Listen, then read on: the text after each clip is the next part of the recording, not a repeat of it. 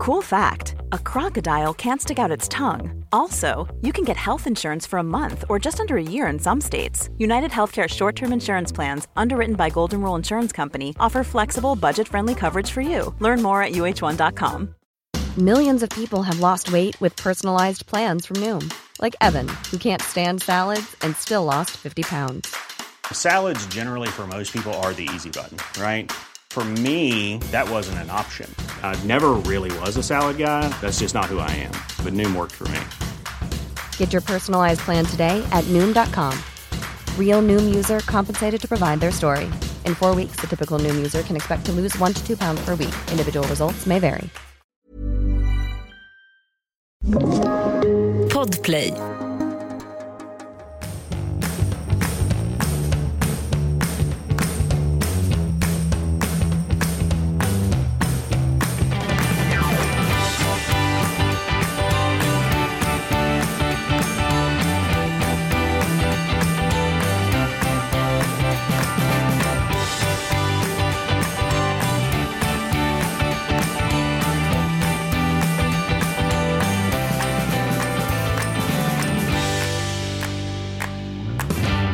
Who's back.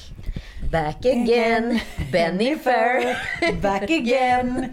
Ah, det, det är härligt när det är så här, när heta romanser som en hel värld engagerat sig i kommer tillbaka. Men gud. Men, It's repeat. Vinyl. nej men alltså. Vi drar lite bakgrund då. Eh, Bennifer, de hade ju en het romans. Var det 2003? Ja. Ja. Och eh, han köpte ju någon eller, rosa superdiamantring till henne kom. Som var så här värderad till liksom, ja, men 20 mil eller något sånt där. Dåligt köp. Var det? Ja, men det måste ju vara eftersom det tog slut. Andrahandsmarknaden är ju inte lika bra. Nej, men nu är jag inne på det att ligga och kolla på smycken på typ online Bukowskis och sånt där. Och eh, men du vet så mycket gamla bröllopsringar. ah, det är konstigt. Ja, det är konstigt. Jag bryr mig inte. Jag skiter i det. Bara det är snyggt. Är man en skata så är man. Ja. men de var inte ihop så himla länge. Ett, något år. Nej, men hon, de han var ju också, sig. han, Det var ju otroligt. Det här var ju alltså dåtidens eh, Kanye och Kim. Det kan man väl säga. Det kan man säga. Ja, och Ben var ju också med i den legendariska videon till Jenny from the Block. Just Där det. det liksom, allt går ut på att de är ett paparazzi-fångat par som gör lyxiga grejer. Ja, just det. Ja. Just det, just det, Vi just kan det. lyssna lite. Ja.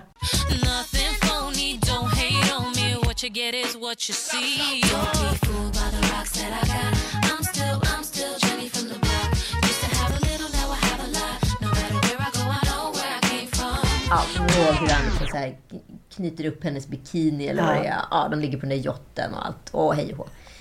Ja, nej, men, och, vi men jag blir ju så fundersam då. För att jag minns nämligen att de hade en rebound eh, när det var slut med Mark Anthony. För då drog hon Mhm. iväg med Ben igen. Och då tänker jag så antingen är han liksom årtusendets bästa ligg. Som alltid förtjänar en rebound.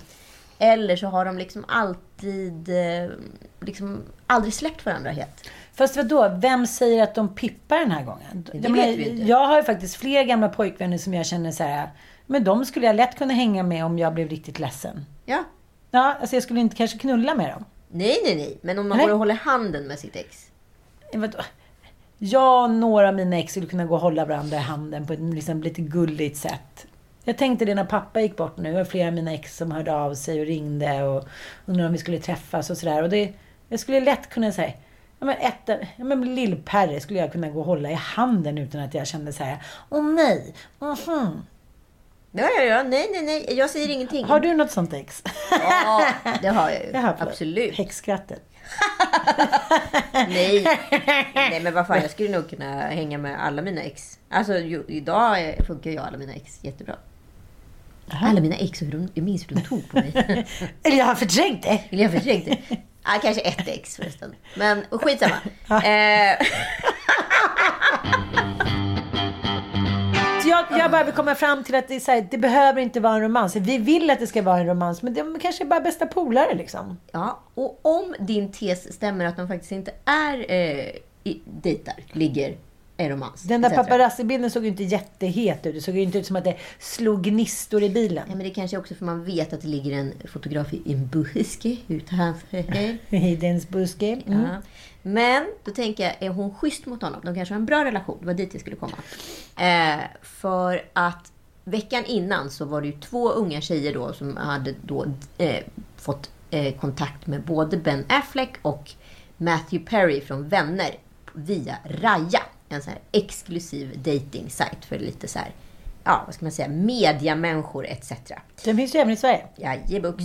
Hur som helst så, jag är ju väldigt dubbel i den här grejen. Liksom. Alltså de här tjejerna, nu förstår jag, det, det som är skandalöst i USA är ju att de här tjejerna är 19 och 20 någonting.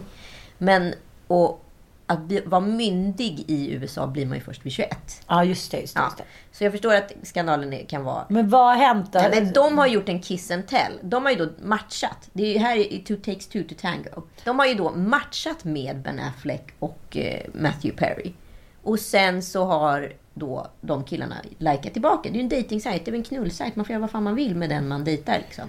Ja, får det om, om samtycke finns. Och det är ju det som ska då in, informellt påstås då, men det är två matcher med varandra. Mm. Eh, och sen så har, eh, varav en tjej inte svarat tillbaka till Ben Affleck. Och då kontaktar han henne via hennes Facebook och säger så här, Hallå, det är ju jag. Du svarade aldrig. Vi har ju matchat. Och då, han har inte gjort något mer än så. De har aldrig sett, de har inte gjort någonting. Då hänger hon ut honom och säger att Åh, han är så äcklig, han är liksom över 40 och matchar med mig. Och raggar på mig. Ja, men det är väl, alltså, man lägger väl bara in sina uppgifter och sen så kommer det per automatik. Ja. Han har väl inte Nej, gjort det något... är ingen okej. som har gjort något fel här. Därför att hon vill framställa som att han är en knullgubbe. En Exakt. snusgubbe som jagar henne. Precis. Mm, Okej, jag fattar. Ja, så då tänker jag så här, om det var lite slukt av Jenny from the block.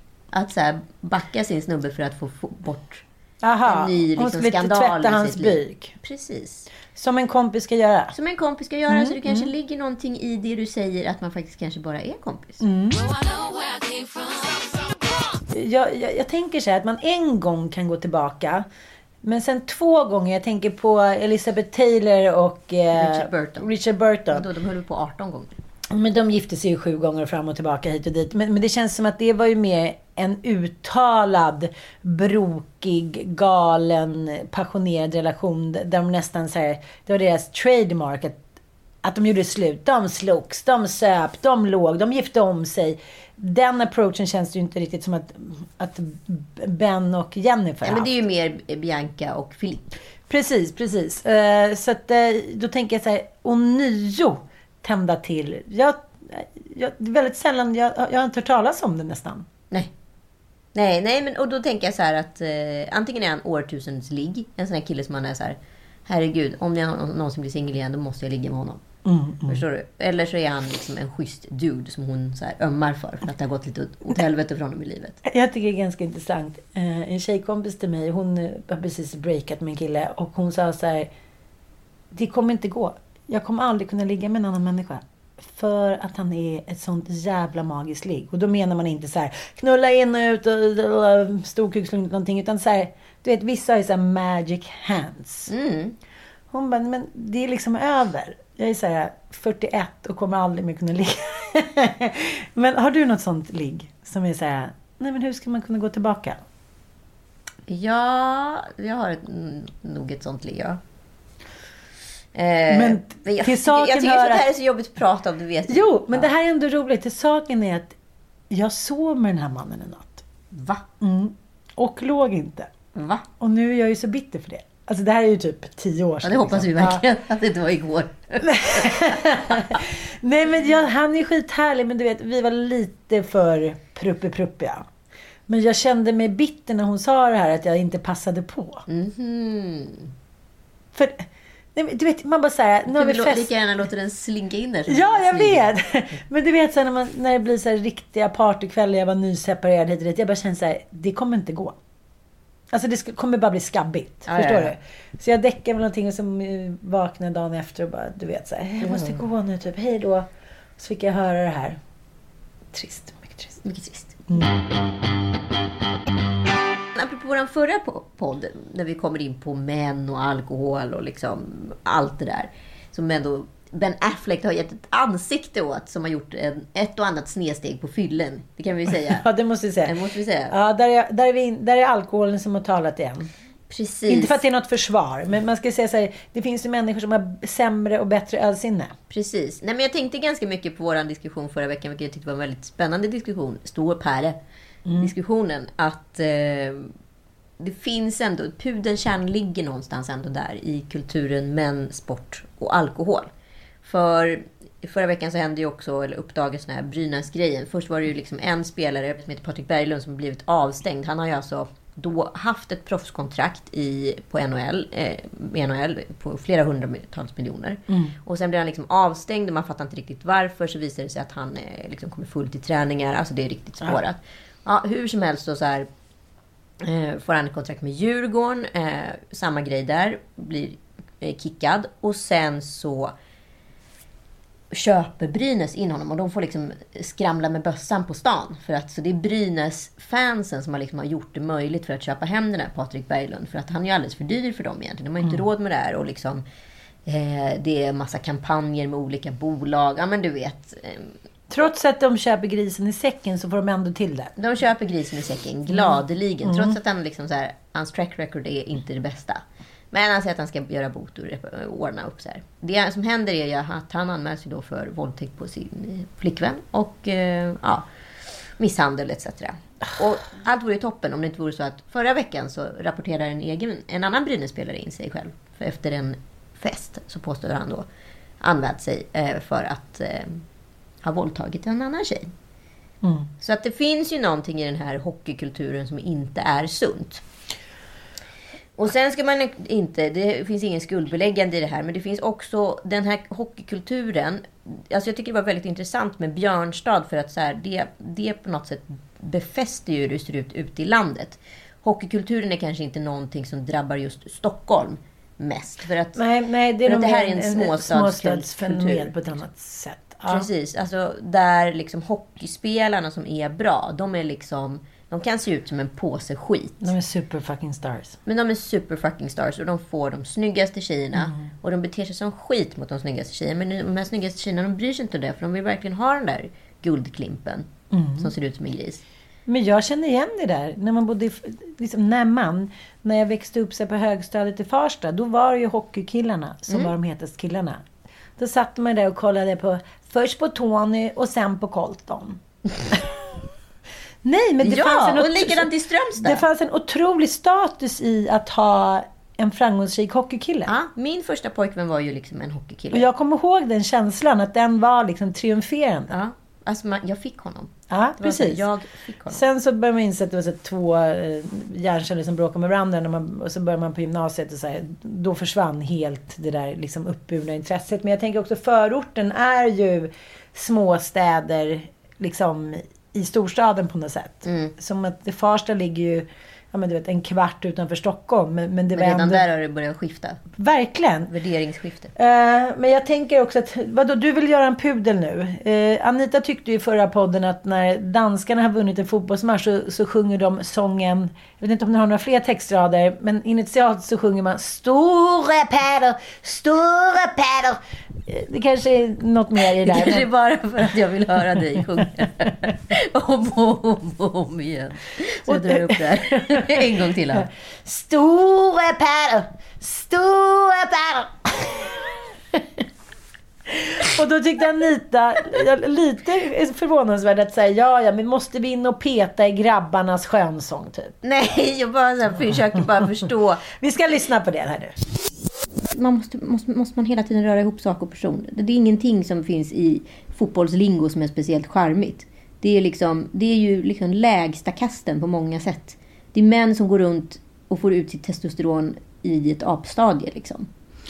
Jo, jag fattar, men, men, men det är Det är liksom klassiska så Adonis-kulturer liksom hela tiden flaggas med. Jag vill bara så här, se att det finns en tydlig korrelation mellan stora pattar och... För jag tänker ändå så här, Ann. Utav alla de som står på en fotbollsmatch eller en hockeymatch, utav de i laget etc. Hur stor procenthalt för, eh, liksom, våldsmän är där? Jag har en själv en sambo som har skrikit hor, hora till domaren.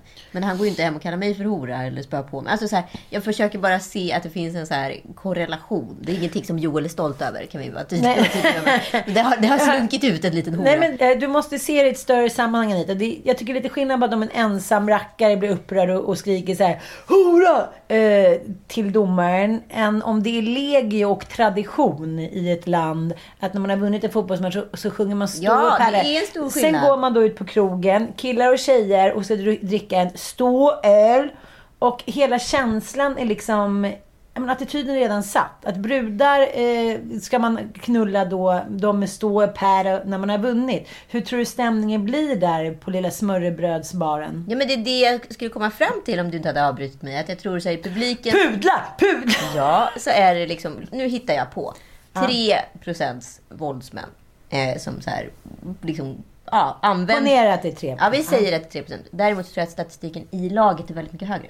För att, eh, eh, Ja, jag fattar. ja, Mm. att liksom eh, locker room culture, vad heter det? Ja, omklädningsrumskulturen Mm. är jävligt dålig liksom. Och sen vet vi också... Jävligt risig. Ja, och sen vet vi också så här, och det behöver vi inte sticka under stol med, det här är ingen victim blaming överhuvudtaget. Men det finns också ett gäng tjejer som alltid sitter på de här matcherna med hopp om att så här, få en kille i laget.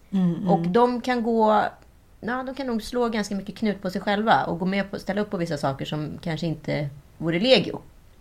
Jag fattar, men, det behöver ju inte vara just i hockey. Det kan ju vara andra åtråvärda män Ja, men det är det Ja, men- jag säger. Alltså, då, alla de här typerna utav elitismrörelser inom olika falanger kommer alltid attrahera ett gäng kycklingar. Det sitter inte tio killar på liksom, läktaren och kollar på när svenska damlandslaget ute och, och lirar på samma sätt som det gör på en killmatch. Det här är en kulturell, strukturell Och en tradition. och tradition och problem. Liksom. Men jag håller med dig om, jag har ändrat åsikt där. Stora pattar, nej, det är fan kulturellt för jävligt. Det är mycket som eh, har visat sig vara kulturellt förjävligt eh, senaste tre åren som förut inte anses vara kulturellt förjävligt utan bara Boys will be boys. Och det märktes ju ganska tydligt nu i Navid Modiris intervju i Hur kan vi? Som är en serie som Navid har själv varit med. Eh, och eh, när han då intervjuar, eh, eloge för detta tycker jag, att han ändå tar sig an denna fallna ängel kan vi säga. Paolo Roberto, om vi kommer tillbaka till män, sport och alkohol och en, liksom en machokultur som Ja, ja. liksom omringar hela den, den grejen. Precis. Och, eh, men jag hade inte eh, kollat på det här utan jag eh, bara kom in på Maria Svelands Instagram igår och där sitter då nu ska jag vara så som män alltid beskriver kvinnor. Där sitter en eh, hårfager, pomada-dränkt man med blommig eh, skjorta. Navid Modiri och intervjuar eh, en annan man. En, en före detta, vad ska man säga, sportshjälte. Kan man säga så om eh, Paolo Roberto? Absolut. Ja, eh, och Navid har själv då utannonserat det som ett samtal som ska gå på djupet. Men, men Maria Sveland tycker då att det här är 90 minuter fyllda av floskler och noll djup, noll på riktigt. Hon, Det kallar, har hon ju rätt. Men det handlar inte om Navid.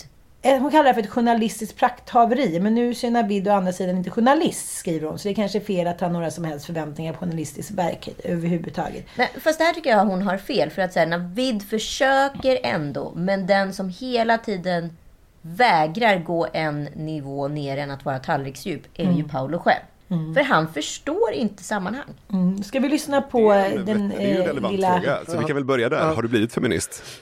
Feminismen är det skadligaste som har hänt eh, eh, svensk jämställdhet. Den, den nya typen av feminism vi har, har idag. Och vilken är den nya typen av feminist? Nej men om man, om man pratar till exempel där med, med, med eh, skillnaden i löner. Kvinnor, varför, varför har kvinnor lägre lön än män? Var det en retorisk fråga? Eller var det Nej, jag frågar dig, varför har kvinnor lägre lön än män? Eh, som jag förstår det så har inte kvinnor lägre lön än män. Nej, korrekt. Utan det är kvinnor som tar ut eh, mammaledighet och blir, väljer att bli mammor. Som eh, får under den perioden svårare att komma tillbaka till karriären och har lägre lön än både män och kvinnor som fortsätter vara kvar i karriären. Precis. Plus att, eh, kanske det viktigaste, att kvinnor... I Sverige. Ja, i Sverige. Det finns större skillnader i andra länder. Exakt. Han är så borta, Ja, den stora skillnaden säger han sen är att kvinnor väljer att skaffa barn. Sen är det eh, 90 minuter om... Eh, det, det, men det är lite som eh, Alexander Pascalidou skriver så här. För att vi kvinnor väljer att skaffa barn. Alltså tack för att du delar och orkar nivån. Om vi inte skaffade barn så skulle de snart dö ut. Han vill, Paolo Roberto vill i sitt desperata försvarstal hela tiden gå tillbaka till biologin. Att det här är ingenting som eh, männen har något att göra med. Utan det här är så som Herre Gud skapade oss och så ska vi förbli. Men jag, jag var satt på en middag för eh, ja, några månader sedan och blev liksom så här... Ja, det var en ganska liberal middag, kan vi säga så? Ja, det kan vi säga. Ehm, Dionysisk, öppen, Ja, och frivol. då var av två män på den här middagen satt liksom och sa att de var så här, tyckte att Trump var ett missförstått geni. Och att eh, ligga med prostituerade borde, Modigt. Ja, borde vara en mänsklig rättighet. Och det här är alltså män i min ålder. Eh, vi har samma förutsättningar i livet. Vi lever ungefär i samma kvarter. Var de från Danmark? Man skulle kunna tro att de var från Danmark. Men jag blev liksom ganska så här... eh, Jag ska inte. Klart det blir... Reaktivt blev jag ju förbannad. Men samtidigt så blev det någonting i mig som ändå så här väcktes och tänker så här. Man tänker hela tiden Man kan inte säga så här 2021. Men man kanske inte ska sluta säga det. För vi har inte kommit så mycket längre. Jag fattar. Du menar att om, om, om vi inte är ärliga så kommer det ändå inte leda till något. För då sitter alla ändå och bara spelar för att vara politiskt korrekta. Mm.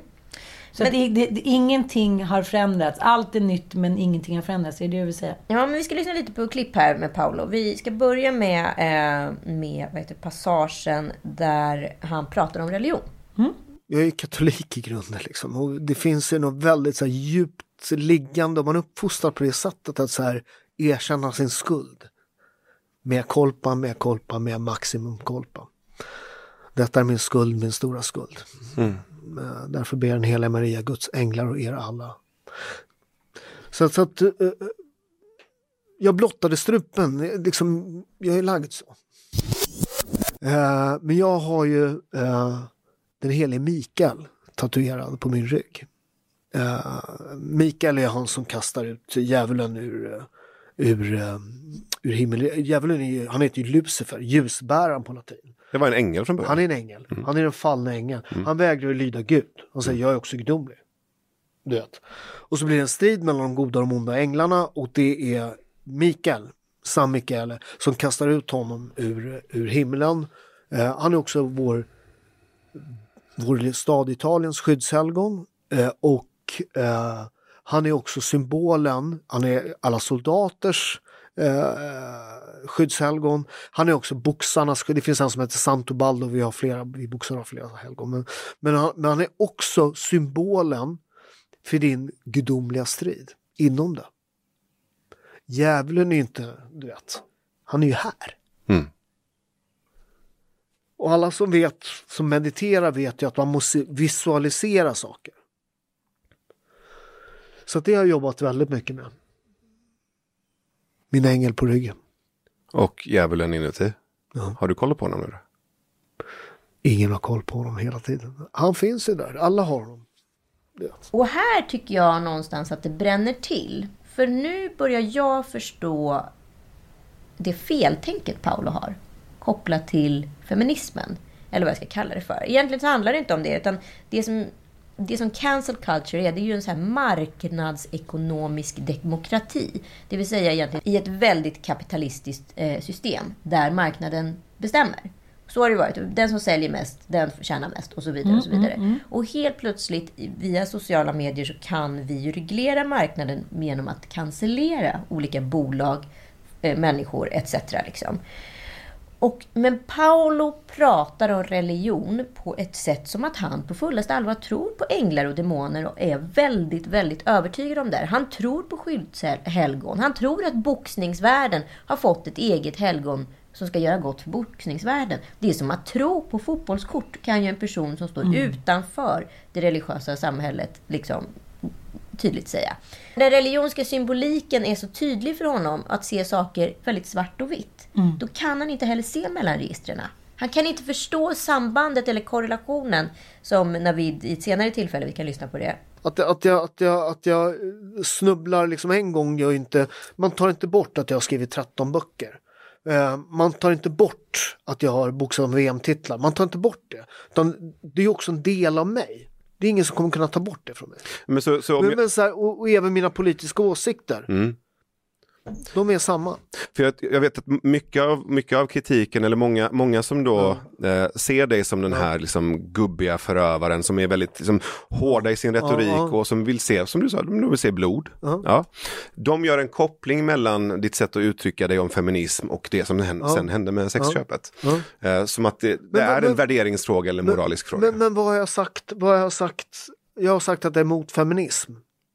Det är det enda jag har sagt. Mm. Ja. Och att de Jag- menar då på att det här är en fråga om kvinnosyn och det leder sen till en sån här situation. Ja. Ja, det är ju rätt bra. Då ska man ju snurra grejer runt omkring. Men nej, jag, jag kan förstå, jag kan förstå deras förstå kopplingen, Ja, jag liksom. kan förstå Ja. kopplingen. Mm. Inte för att det finns någon, men, men så är det. Nej, men han kan inte se korrelationen i mellanregistret mellan att så här, om du pratar så här om kvinnor, då är du inte heller väldigt långt bort ifrån handling. Mm, jag fattar. Jag fattar. Nej, det finns ingen. Alltså, han säger ju det. Men, men jag tänker så här, om man, man tänker när jag såg serien Unorthodox. Ja. Som handlar om, ja men de, det, det, här handlade om det gettot som det faktiskt är i New York. Om eh, de- de- den samhörigheten, hur de liksom isolerar sig från omvärlden och därför framställer sig själva som uppburna. Och det spelar ingen roll, det ser man ju vad man än, jag menar, barn som kommer in på fina skolor ser ju sig själva som uppburna för de är, de är utvalda, de sjöng bättre än de andra som kom in. Alltså så fort du hamnar I i ett sammanhang eller en elit så sätts hierarkierna sätts ju dag ett. Det är så här, De som sjunger bäst, de får sjunga solo till exempel. Eh, De som eh, kom in på reserv. Alltså det finns hela tiden ett sätt att sätta människor i olika hierarkiska fack. Och jag tror att hans sätt att så stanna kvar i sitt försvar, att kvinnor ska vara kvinnor och män ska vara män, det är ju hans religiösa bakgrund. Ja. Att här, Gu- Gud vill inte det. Om vi ska då ta katolicismen i jämförelsevis med eh, kristendomen så har ju de den här långa, långa, långa traditionen att de är, Gud står över allt annat. Sen har vi påven som är då Guds föreställande jorden, verkföreställande. Och sen har de ju alla präster. Och det är ju det var, liksom, som kan då ge syndernas förlåtelse. Och sen kan man gå ut på gatan och vara fri, vilket är jävligt liksom förrädiskt. För det som händer då inom katolska kyrkan är ju men allt det här som har hänt med liksom pedofilin och sexövergrepp och hit och dit. Att när man skapar en isolerad verklighet så skapar man ju också uttryck för sina primitiva behov. Precis. Vi kan väl lyssna lite eh, vad han säger om vågskålen och cancel culture. Eh, Men jag, jag är ju katolik, återigen. Eh, och, och, eh, jag har ju en heliga Mikael tatuerad på ryggen, eh, som jag sa. Eh, och förutom ett spjut så håller han en vågskål. Spjut och slåss mot dina onda demoner. En vågskål att mäta dina gärningar. Okej. Och det positiva med den inställningen, till skillnad från cancel culture, det är att det är en vågskål. Har du lagt mycket dumma saker i ena så går det faktiskt att... Så jag, jag har faktiskt, eh, jag har faktiskt, jag har alltid haft någon som är kriminell anställd i mina företag. Alltid. Jag har, jag har rätt, rätt många. Min första kille, han har idag 20 anställda. Ja, så så att jag, jag, jag, jag, jobbar, jag jobbar mycket ideellt. Har gjort hela, hela, hela livet egentligen. Och det blir ett sätt att liksom balansera den här vågskålen.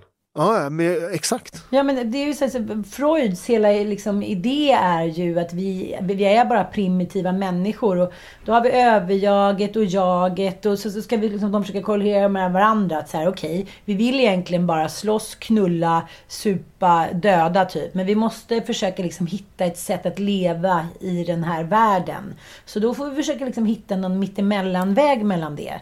Det är lite så som eh, han kanske, han kanske är en Freud, Freud, Freudians bakelse, Paolo. Med inslag Nej, alltså, grunden är så här. Det som är så jävla sorgligt i det här, det är ju att han är både narcissist och extremt jävla pantad. Förlåt. Det är ju det. Han, är, han fattar inte. Och han kommer inte heller förstå. Han pratar ju liksom om machokulturen på ett sätt Men som... han vill ju inte förstå. Nej! Det är det som är problemet. Har man heller ingen kunskap så att man kan göra en, en på någon liten egen självanalys varför saker och ting har blivit som blivit. Han stannar ju så här, gamla klassiska så här, 1900-talsarbetare. i- Han som har bytt klass för att han har kämpat och nu är han folkets hjälte. Det kanske blir något jävla snedsteg men skit i det för att han är ändå folkets hjälte. Nej, du är inte det 2021. Nej, är en och det här- fallen hjälte. Jag är ledsen. Nej men och det här kan jag ju liksom bli provocerad av att folk ens inte studsar på. För att man hela tiden drar referenser till att man är från orten. Men, och det ser vi ju även kvinnor som är från orten att göra. Som inte har bott i orten på liksom 30 år. Men de kommer därifrån. Och det är betongmentaliteten och allt vad det är. Man vet hur det är in the hoods. Ja, precis. Du kan inte liksom... Du har lämnat orten. Du, kan inte, du kan inte använda det längre som ett argument. Bo i finvilla och... Precis. Vi, vi, ska lyssna på, vi, ska lyssna, ja, vi ska lyssna på en liten anekdot här om hur han försvarar liksom sin ortmentalitet och, och hur, man liksom, hur, man, hur man tuggar i orten och hur man agerar. Men sen kan det vara så du vet någon jävel som säger något och så det har ju hänt förut att man har smält till dem på käften liksom.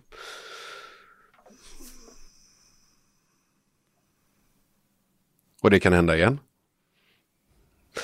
Nej, nej faktiskt inte. Jag, jag faktiskt här utanför eh, var två sådana här jävla, vi är på Söder här för er som vet hur, de som bor här. var några sådana här eh, vänsterunga på någon jävla, eh, här, eh, på någon sån moppe. Som, som ja, men de körde efter mig och filmade och skrek massa saker och sånt där. Uh, ja. Och sen så tänkte jag så här, fan jävla ungjävlar. Uh, eh, uh, eh, så jag fattade att de drog bara runt hörnet och så, så stod så jag gick bara runt kvarteret. Eh, De filmade dig. ja, de filmade och skrek massa saker och sånt Okej. där. Eh, så jag bara gick runt kvarteret och så stod de där och tittade sina dumma jävla ungar så att de och tittade på sina mobiler liksom. Så jag bara, jag bara, jag bara kom och så bara, bakifrån så knackade han på ryggen så här, gör inte om det där. De bara, de bara sprang, släppte moppen, bara sprang. Eh, nej, och för tio år sedan har de fått en smäll. Mm. Då hade, de, då hade de inte ens märkt mig. De hade vaknat på, alltså i 10-15 år sedan. Och vad, och vad har förändrats menar du? Att de inte vaknade på asfalten. Ja, men vad har förändrats i dig som gör att du inte smällde till dem? Nej, jag ville bara reta dem. Jag garvade åt det. Mm. Alltså det, folk har för svårt att förstå det där om man inte är från gängkulturer. Och det där tog lång tid innan jag förstod det själv. Eh, Det här med att det, det, första gången jag på riktigt tänkte på det, jag fick jobb på Café Opera. Eh, när jag var rätt ung faktiskt, jag tror jag var 20 liksom, hade problem med massa förortsgäng så, så chefen där anställde mig för att ta hand om det. Och så står vi och jobbar någon kväll och så kommer något gäng eh, och sen så är det då något förortsgäng och så är det då en av mina kollegor som är en så stor handbollsspelare, svensk. Eh, läser till advokat, studerar, så här, vet, från bra familj och sådär, stor jävel. Och sen, så, och sen så kom det här gänget och så blir det något tjafs och sen så börjar de skrika åt honom. Han bara din mamma är en hora, skriker de till min kollega. Och jag bara, fan, de ska inte kalla min kollegas mamma för hora. då." Så jag var ju på väg att flyga på. Han bara stod lugnt kvar och sa, nej min mamma är inte hora, hon är bibliotekarie. Eh, och då, då, det var faktiskt första gången jag började fundera på det där. Så här, vad, vad, vad är det som gör att han bara kan så här, han bryr sig inte. Eh, Medan jag blir så här, och ju äldre jag blir så förstår jag exakt vad det där är. Utan det enda kapital du har som förortsunge, det är ju våld. Och den dag du kan kalla någons mamma för någonting, eh, nej men då, då, då har du förlorat det kapitalet. Va? Och det där har, levde med mig långt, att man liksom så här, en förolämpning alltid ledde till liksom bråk. Va? Och det handlar liksom, idag är det så här, fan, skit i väl i vad några unga kallar mig för saker här på stan. Jag kan skrämma dem lite, det är kul. Och här är det ju liksom... Jag blir också så förvånad om han nu påstår att han har gått i terapi. Jag tror bara att han har gått och biktat sig. Han sa, jag och prästen, jag lärde prästen stå på händer och prästen har lät mig syndernas förlåtelse. Det är som att han har köpt ett oblatbrev och sen blev det klart. Han har inte gått i en terapi för att hantera hur han faktiskt värderar kvinnor. Han kanske har gått i terapi för att prata om hur han ska agera runt sina barn och sitt ex Elin som han... Eh, där blir det ju faktiskt en beröringspunkt som man känner, här har han ju skuld och skam på riktigt. Men han känner ingen skuld och skam för andra och det kanske, det kanske han inte vill göra heller. För att om han nu, enligt männen på den här middagen, tycker att det är en mänsklig rättighet att få gå till prostituerade. Då kanske inte han heller kommer någonsin värdera eller förstå varför han ska tänka på kvinnor som kvinnor och inte som horor. Men jag, han har måste- uppenbarligen skap... I hans värld finns det ju horor och madonnor. För att en madonna är han ju gift med. Mm, Eller har barn med. Eller eh, har som flickvän. Och en hora är en hora Mm. liksom. Men vadå, det är så, om man tar de katolska medelhavsländerna, det har ju alltid varit tradition att man liksom gifter sig med en fin flicka och sen så ligger man med hororna. Liksom. Kolla på hela serien Exit är uppbyggd och det är liksom, det är Norge 2020. Eh, Jag, jag, jag tänker så jag får samma känsla som när jag ser Soran Ismail i den här dokumentär, två, tvådelade dokumentärserien i, på SVT. Att han säger han har en blick liksom. Den är helt tom. Han försöker förstå. Men han, han går i terapi. kan så här, inte. Men han kan inte. Han tycker så här, ja. Liksom, han har, använder ju samma mentalitet. Jag kom från ingenstans. Helt plötsligt blev jag populär. Jag fick stålar. Vilken kille i hela världen skulle inte utnyttja det? De vill liksom få oss att förstå att så här, det här är ju bara payback time. För den Jag lilla skiten de var. Ja, det, är, det är dem det är synd om. Det är de som är hjältarna. Det är alla andra som... De förstår inte. Och det, jag ser det på Soran som en så här, utbildar sig till psykolog, kanske att kasta liksom ett litet hundben till pöben. Men jag ser på honom att så här, han vet inte vad han ska orientera sig. För han är en man som han tycker sig ha rätt att göra det här. Och han har inte kommit insikt. Och jag, vad fan, om de inte har gjort det nu, varför skulle de göra det? Nej, de kommer inte göra det. Man måste också luta det här mot att det, det här är så som män har kunnat bete sig i varenda jävla skrymsle i världen och fortfarande kan. Det är ju många länder i världen där det fortfarande är tillåtet. I Kina är det fortfarande tillåtet att liksom våldta sin fru. God damn it, så här, varför tror vi nu helt plötsligt Paolo Roberto ska ångra sig? Han har levt i snart 50 år och tyckt så här. Ja. Det är synd om honom, tycker han. Ja, nej men eh, sen så tycker jag ju också att eh, vi måste lyssna lite på när han pratar om eh, sin präst och liksom hur han lägger sitt liv i Guds händer. Han har ju liksom rentvått sig, så nu, är ju, nu borde han ju rimligen vara fri från skuld då.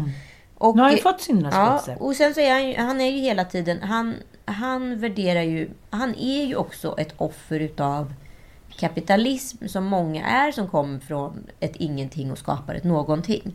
Så han värderar ju sin egen framgång i sina bolag, i, sina, i, sin, i mest antal sålda böcker, mest, mest antal vunna boxningstitlar.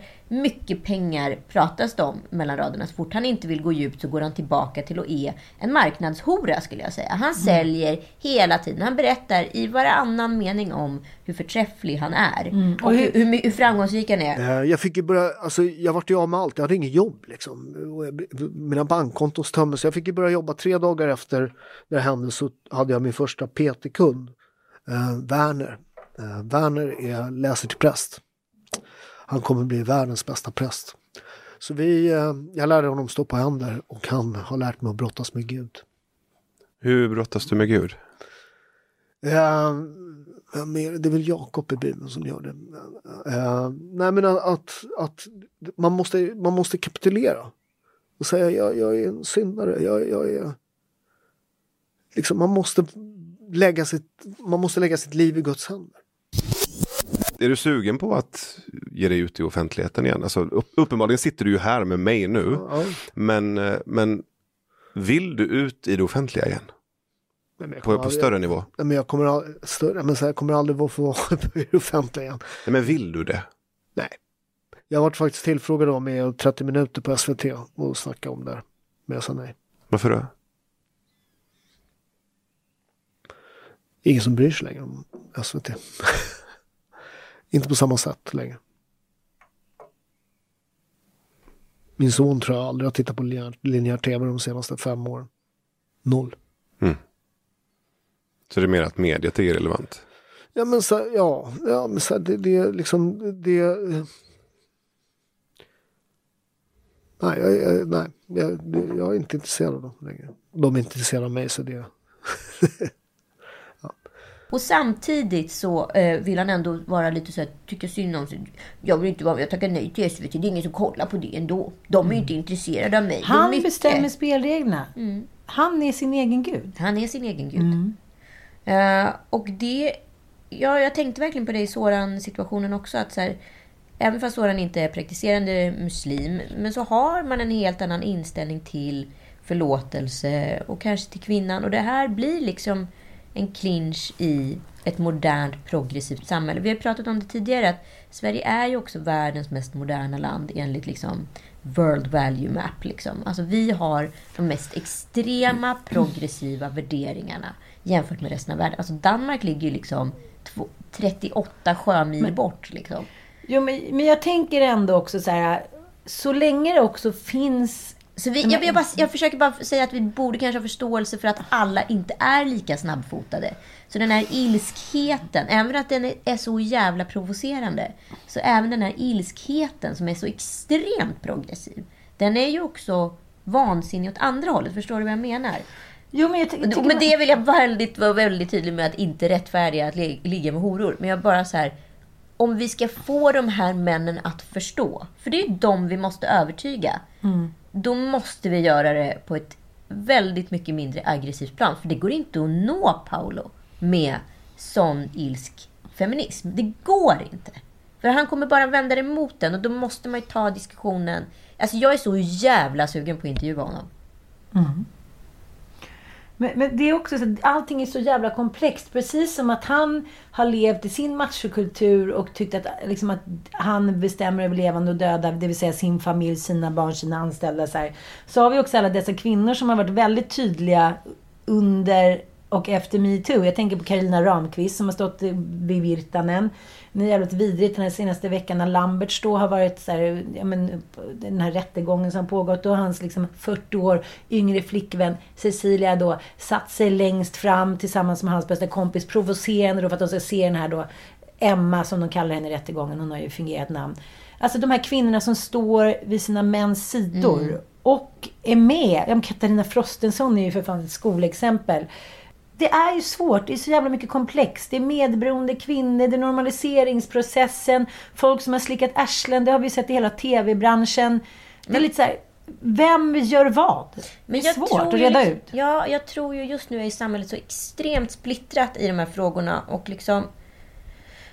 Jag skulle vilja ha, på riktigt, jag vill att så här, smarta människor inom genus, inom eh, kultur, religion etc. sätter sig vid ett bord och skriver en ny tio Det är budordslista. Aderton. Mm. En ny, med, med, ren, med rentvättad byk, jag på att säga. Men skriver en ny så här, Ja. tio budord i Det har vi pratat om många gånger, Ja. men jag tror att det är fan läge nu. Det är, om det är någon gång det är läge så är det ju nu.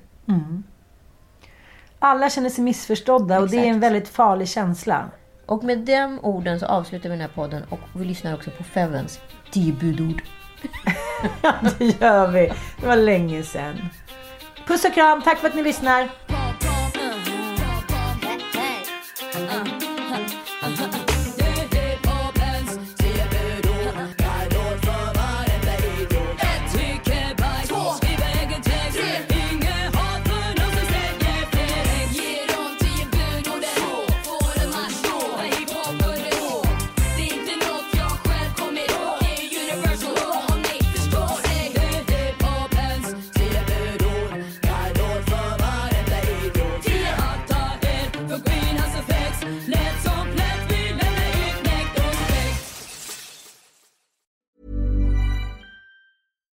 Fact a crocodile can't stick out its tongue. Also, you can get health insurance for a month or just under a year in some states. United Healthcare short term insurance plans, underwritten by Golden Rule Insurance Company, offer flexible, budget friendly coverage for you. Learn more at uh1.com. Mom deserves the best, and there's no better place to shop for Mother's Day than Whole Foods Market. They're your destination for unbeatable savings, from premium gifts to show-stopping flowers and irresistible desserts. Start by saving 33% with Prime on all body care and candles. Then get a 15-stem bunch of tulips for just $9.99 each with Prime. Round out Mom's menu with festive rosé, irresistible berry chantilly cake, and more special treats. Come celebrate Mother's Day at Whole Foods Market.